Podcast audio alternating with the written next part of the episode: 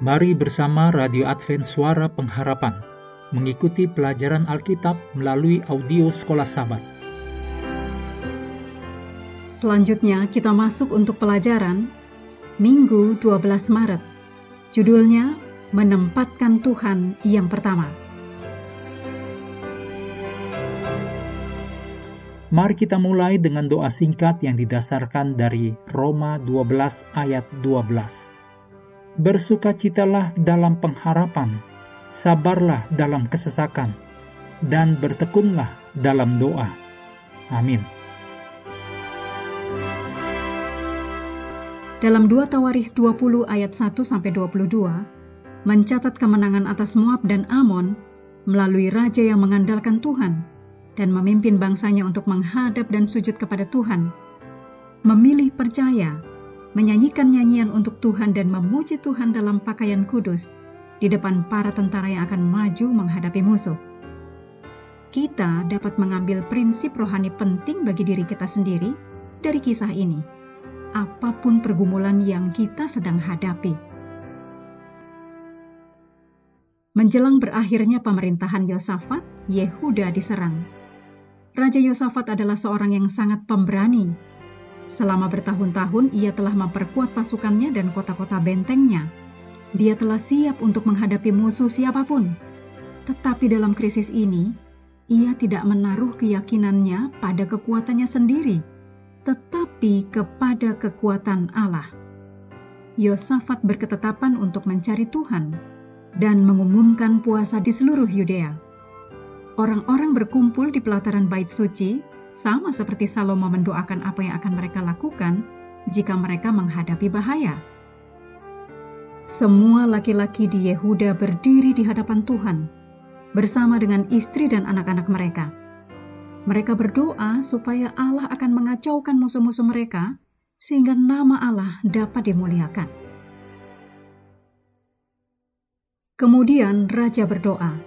Dicatat dalam 2 Tawarikh 20 ayat 12 kami tidak mempunyai kekuatan untuk menghadapi laskar yang besar ini yang datang menyerang kami. Kami tidak tahu apa yang harus kami lakukan, tetapi mata kami tertuju kepadamu.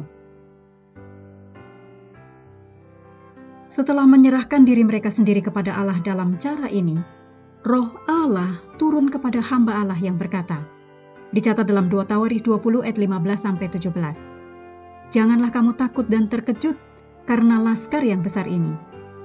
Sebab bukan kamu yang akan berperang, melainkan Allah.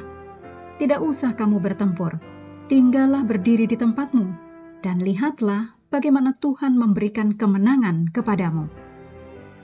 Jadi, pagi-pagi sekali keesokan harinya, Raja mengumpulkan umat. Dengan paduan suara, para imam di depan menyanyi memuji Tuhan. Kemudian Raja berkata kepada umat, Dicatat dalam 2 Tawarikh 20 ayat 20. Percayalah kepada Tuhan Allahmu dan kamu akan tetap teguh. Percayalah kepada nabi-nabinya dan kamu akan berhasil. Kemudian paduan suara mulai menyanyi dan musuh-musuh mereka saling membunuh satu sama lain dan tidak ada yang terluput. Dicatat dalam 2 Tawarikh 20 ayat 24. Membutuhkan waktu tiga hari bagi orang Yehuda untuk mengumpulkan rampasan pertempuran itu. Dan pada hari keempat mereka kembali ke Yerusalem, menyanyi sementara mereka meninggalkan tempat itu. Tentu saja, Allah yang melepaskan mereka adalah Allah yang sama yang kita kasihi dan kita sembah.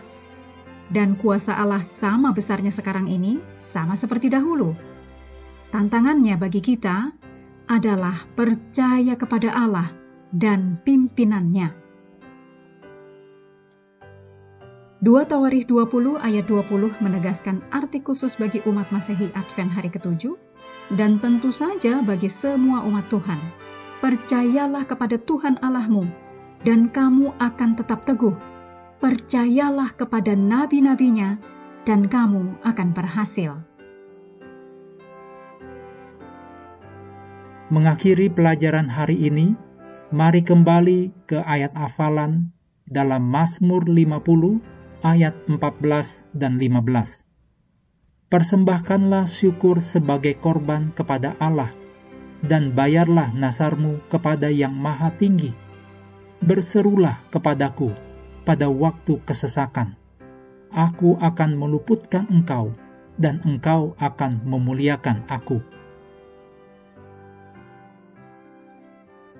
Kami terus mendorong Anda mengambil waktu bersekutu dengan Tuhan setiap hari, bersama dengan seluruh anggota keluarga, baik melalui renungan harian, pelajaran sekolah sahabat, juga bacaan Alkitab sedunia, percayalah kepada nabi-nabinya, yang untuk hari ini melanjutkan dari Nehemia 10. Tuhan memberkati kita semua.